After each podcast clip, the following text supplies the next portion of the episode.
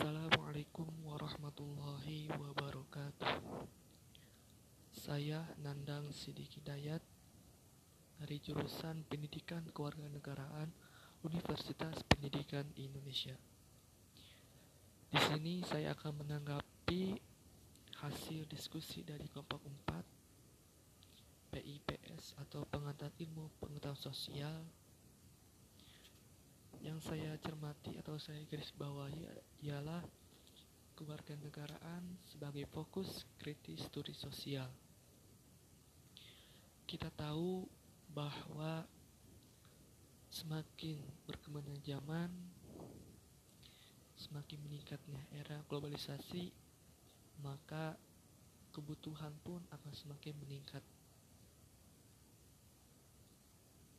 Semakin berkembangnya zaman, dunia pendidikan pun ikut terbawa berkembang. Maka dari itu, supaya tidak ketinggalan zaman, pendidikan di mana pun, khususnya di Indonesia, harus segera ditingkatkan untuk menjadi lebih baik lagi.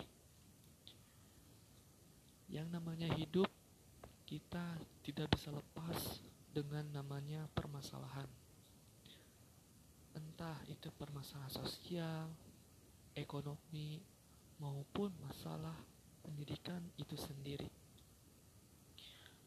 Banyak sekali permasalahan-permasalahan dalam dunia pendidikan, baik itu dari konsepnya, baik itu dari guru atau pengajarnya, maupun dari peserta didik itu tersendiri.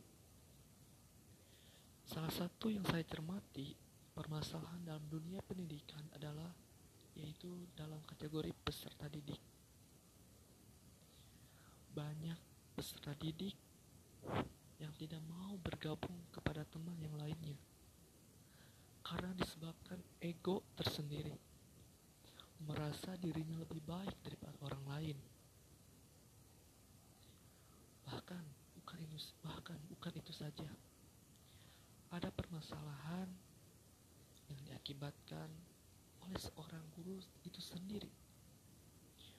Bahwasanya guru tidak peduli dengan kegiatan siswa atau kegiatan peserta didik di sekolahnya.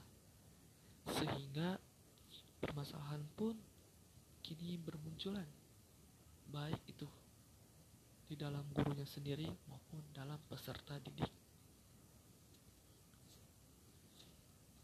Mengenai permasalahan yang tadi bahwa seorang siswa tidak mau bercampur dengan siswa yang lainnya dikarenakan egonya masing-masing yang tinggi maka di sini kita selaku warga negara yang baik atau selaku pemuda bangsa Indonesia harus tahu bagaimana memecahkan permasalahan ini.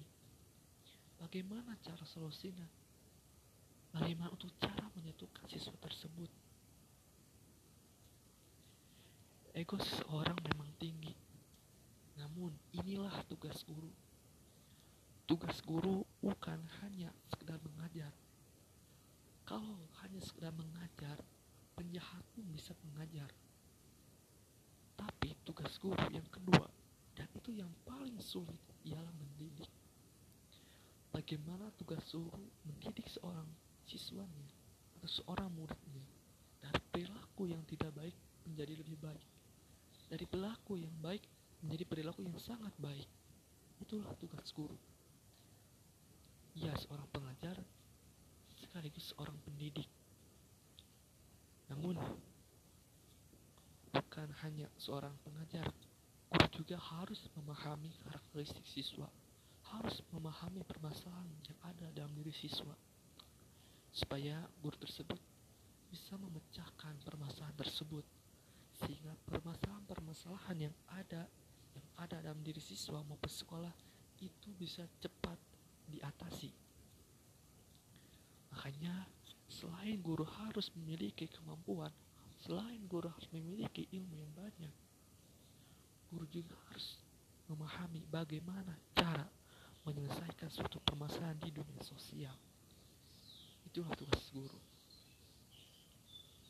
itu yang saya tanggapi dari hasil diskusi dan pertanyaannya untuk kelompok 4 bagaimana caranya agar seorang siswa atau peserta didik di dalam sekolah itu egonya tidak terlalu tinggi sehingga dia mampu bergaul dengan yang lainnya.